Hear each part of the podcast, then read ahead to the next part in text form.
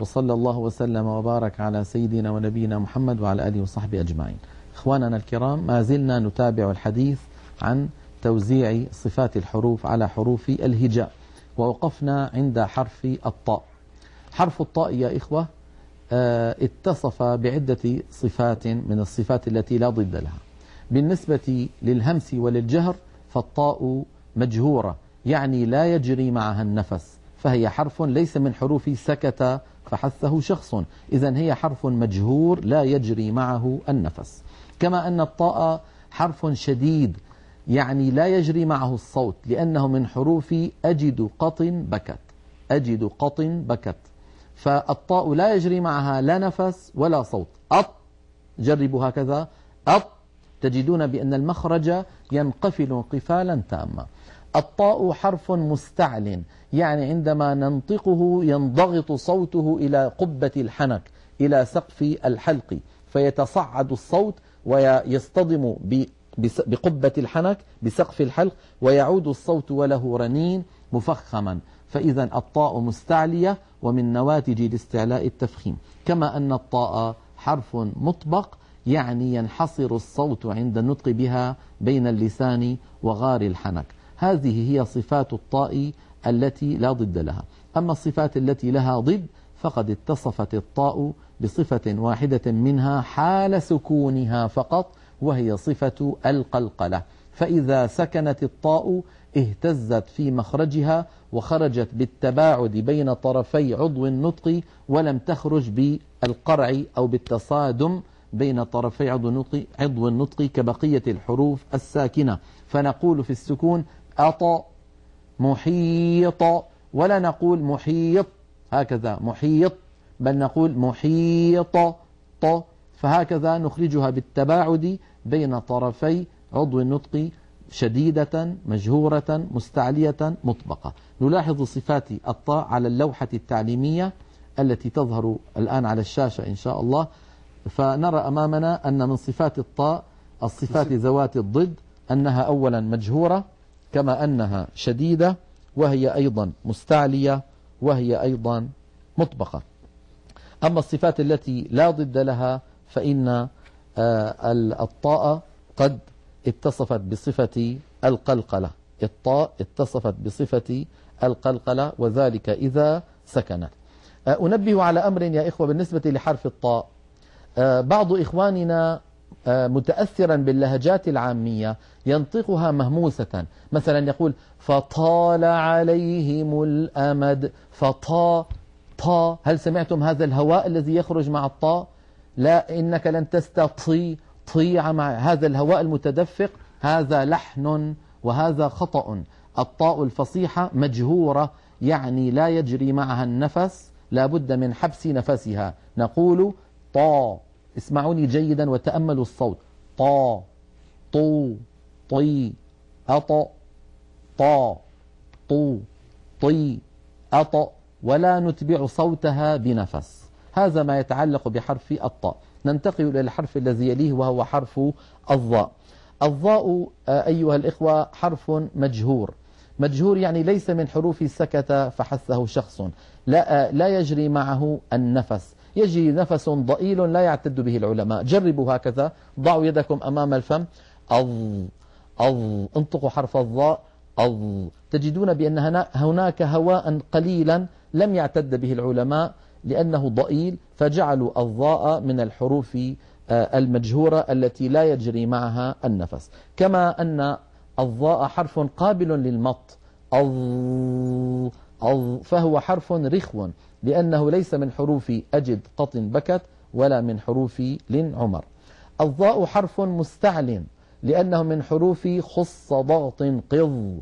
فعند نطقه يتصعد الصوت إلى الحنك الأعلى كما ذكرنا في حرف الطاء.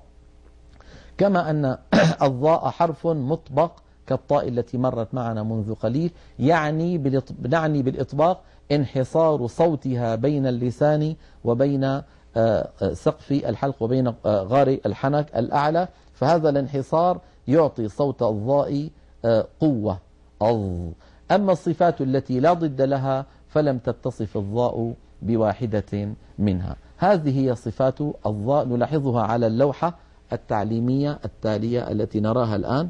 فالضاء كما نرى على الشاشة بالنسبة للصفات ذوات الضد هي مجهورة.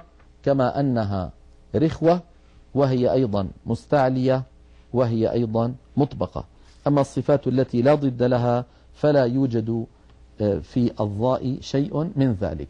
ننبه بالنسبة لحرف الضاء على ما اعتاده بعض الناس في العاميات المعاصرة من إخراجها صوتا قريبا آه، يعني من من الزاي أو عند القراء بيسموها الصاد المشمزاي. مثلا يقول الظالمين الظالمين أظ. هذا الصوت ليس صوت الضاء الضاء لابد من أن, من أن نضع طرف لساننا على أطراف أسناننا العليا. هكذا. الطرف على الطرف. طرف اللسان على طرف الأسنان العليا. أظ ظا ظو ظي فبالنسبة للعاميات التي اعتادت أن تغير هذا الصوت الفصيح إلى صوت أظ ظا ظو ظي هذا في التلاوة القرآنية لا يصح. ولا بد من أن نتخلى عنه وننطق الظاء نطقا عربيا فصيحا صحيحا. الحرف الثالث والأخير في حلقة اليوم هو حرف العين. العين كما نعلم يا إخوتي تخرج من وسط الحلق. آه والعين حرف آه مجهور لأنه ليس من حروف سكت فحثه شخص. يعني لا يجري معه النفس.